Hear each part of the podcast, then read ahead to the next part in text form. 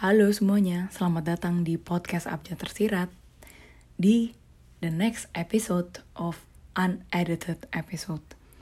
Uh, jadi, seperti yang sudah gue jelaskan di minggu lalu, gue lagi dalam proses untuk kembali berkonsistensi di dalam uh, bikin konten. Jadi, um, gue lagi eliminate proses-proses editing dan segala macamnya biar gue bisa just do it and then when I get uh, hook untuk balik lagi lebih rutin nah gue baru deh balik ngedit-ngedit lagi oke okay? jadi di episode yang hari ini gue mau membagikan satu observasi gue mengenai masa kecil uh, dan observasi ini akhirnya mengingatkan gue tentang hidup kita yang dewasa yang sekarang ini gimana caranya bikin uh, hidup kita ini lebih bermakna dan berwarna dari hal-hal yang sederhana yang ada di depan mata kita gitu. Yang sebenarnya udah ada depan mata cuma kagak kepikiran karena kita uh, hidupnya boring dan overcomplicate things gitu ya. Jadi uh, kejadiannya ini bermula karena gua Sabtu lalu ngajar nari.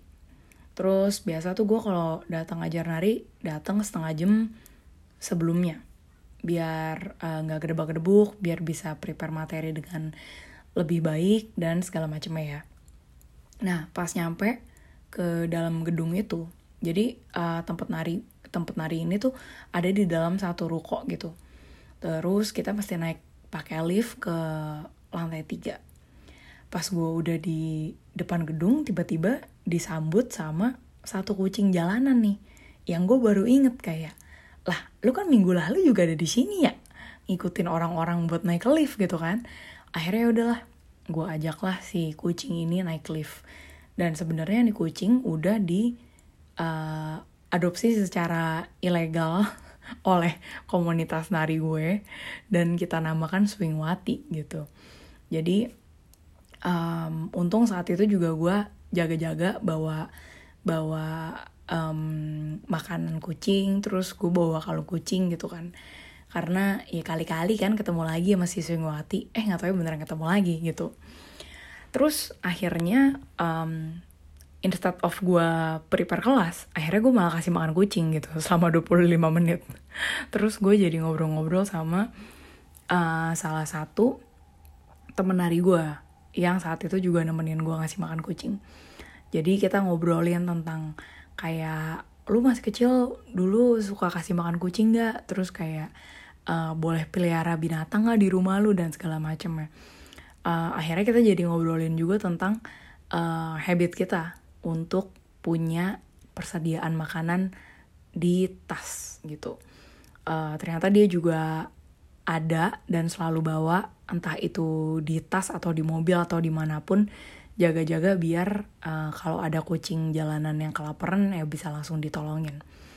Dan akhirnya gue bilang kan ke dia kayak lo nyadar gak sih kayak kita tuh kayak gini gara-gara pas kita masih kecil kita itu nggak ada kesempatan untuk bisa menolong kucing itu dengan segera gitu.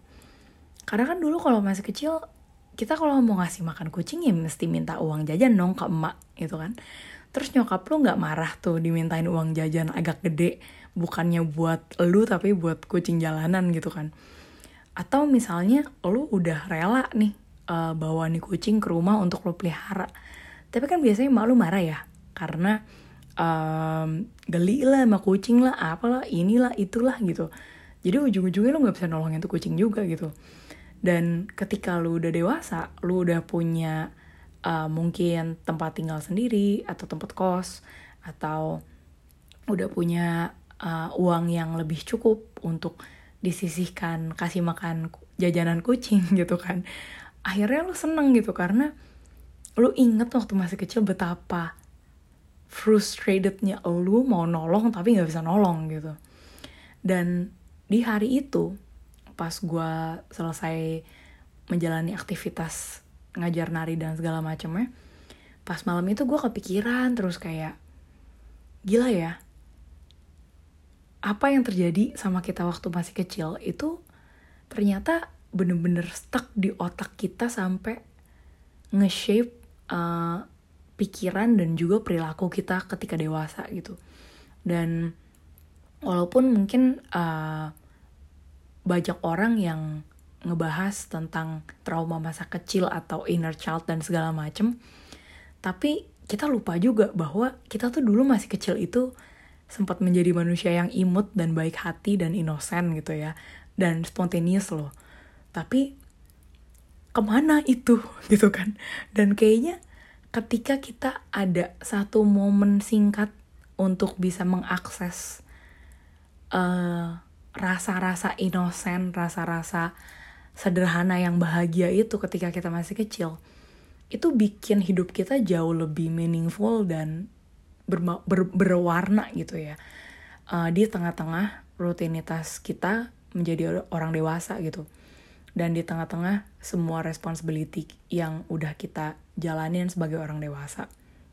Dan um, akhirnya ya tadi saat gue nulis um, materi untuk podcast dan juga uh, menjadikan ini sebuah tulisan gitu ya.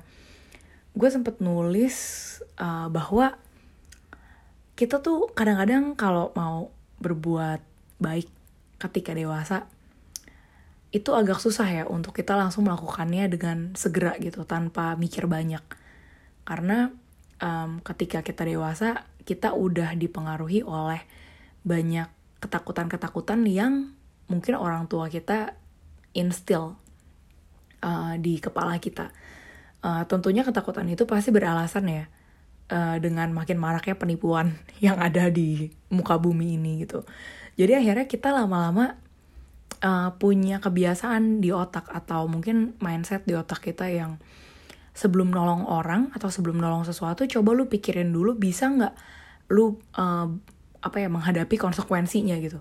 Jadi kita lebih kelamaan mikir di situ dibanding langsung nolongin hal tersebut gitu. Dan ketika akhirnya gue punya um, momen yang langsung nolongin dan bener-bener bisa merasakan kebaikan gitu, kebaikan itu on the spot, itu bener-bener feels goodnya, feels goodnya bukan cuma seharian tapi sampai seminggu ini gitu ya, sampai sampai sampai sekarang gitu. Dan um, di mata gue ini yang mungkin perlu kita ingat sih ketika kita um, dewasa bahwa hal-hal um, kecil yang sederhana itu selalu ada di depan mata kita.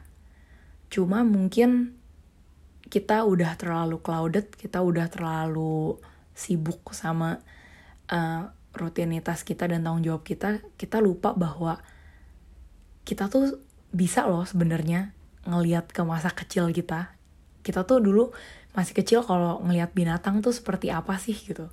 Kita tuh dulu masih kecil kalau misalnya uh, menikmati alam tuh seperti apa sih?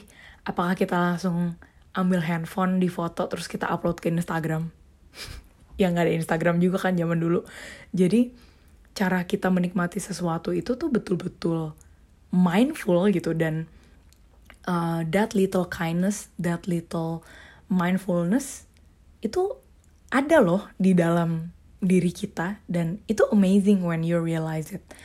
Um, cuma mungkin berapa sering kita akses itu lagi sampai itu akhirnya menjadi suatu uh, kebiasaan yang kita lakukan di kehidupan dewasa kita gitu. Um, dan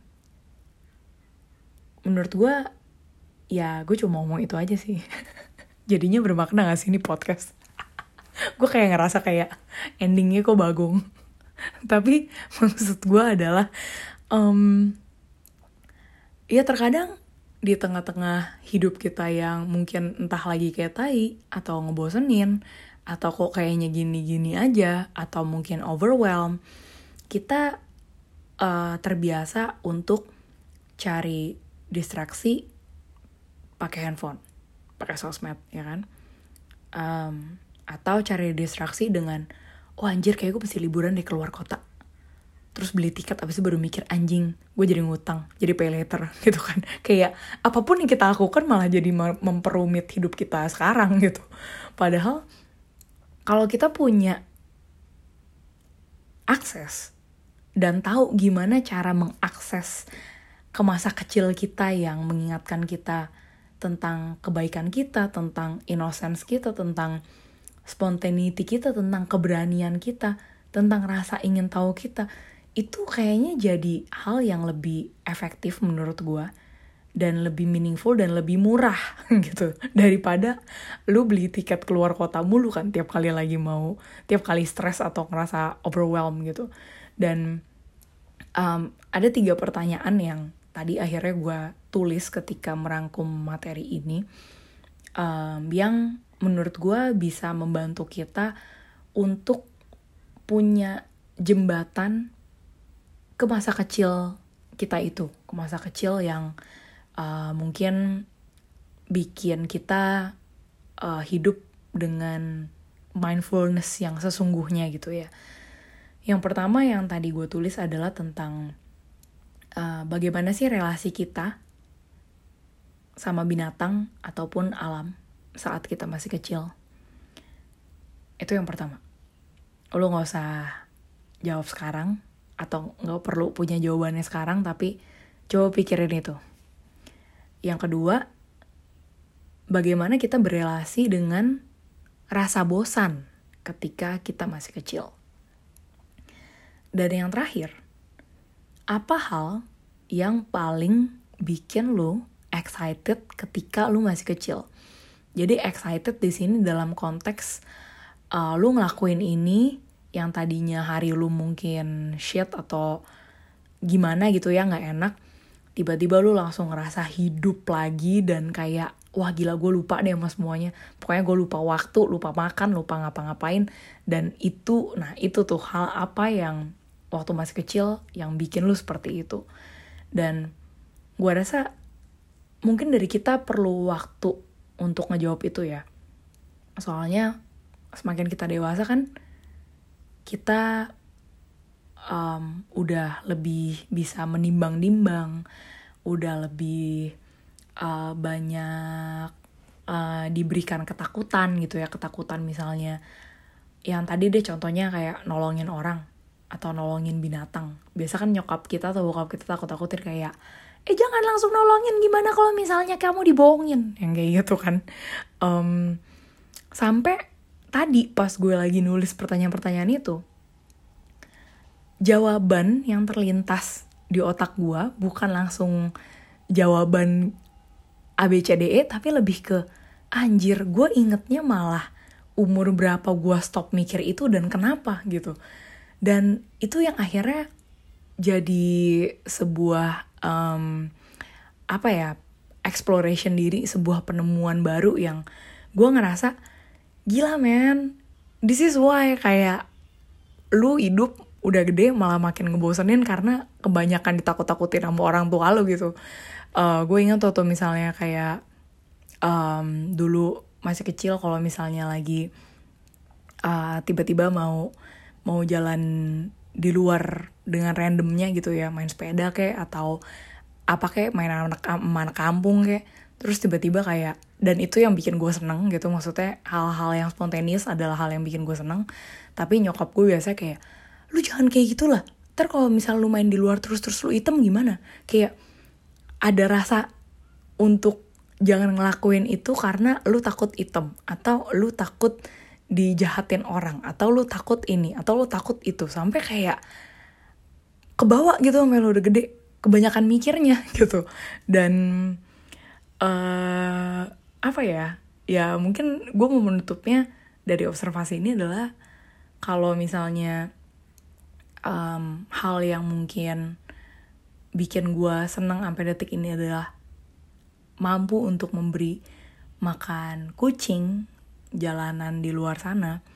Ya semoga lu bisa mencari hal kecil itu yang bikin lu mungkin uh, inget sama masa kecil lu lagi yang lu inget sesuatu yang bikin kebaikan itu ada, kebaikan itu muncul, yang bikin lu inget juga bahwa wah ternyata kalau mau punya hidup yang bermakna itu dan berwarna sangat-sangat gampang ya. Nggak perlu beli tiket liburan atau minta cuti dulu atau apa pun itu yang complicated gitu. Um, dan hopefully dari tiga pertanyaan tadi itu bisa membantu kita untuk lebih punya hidup yang nggak melulu harus membuktikan ke orang bahwa kita ini berguna atau produktif. Karena just being happy just being nice to any any kind of human beings yang lo ketemu dan nggak perlu dipuji di sosmed it's it's already uh, winning for you sih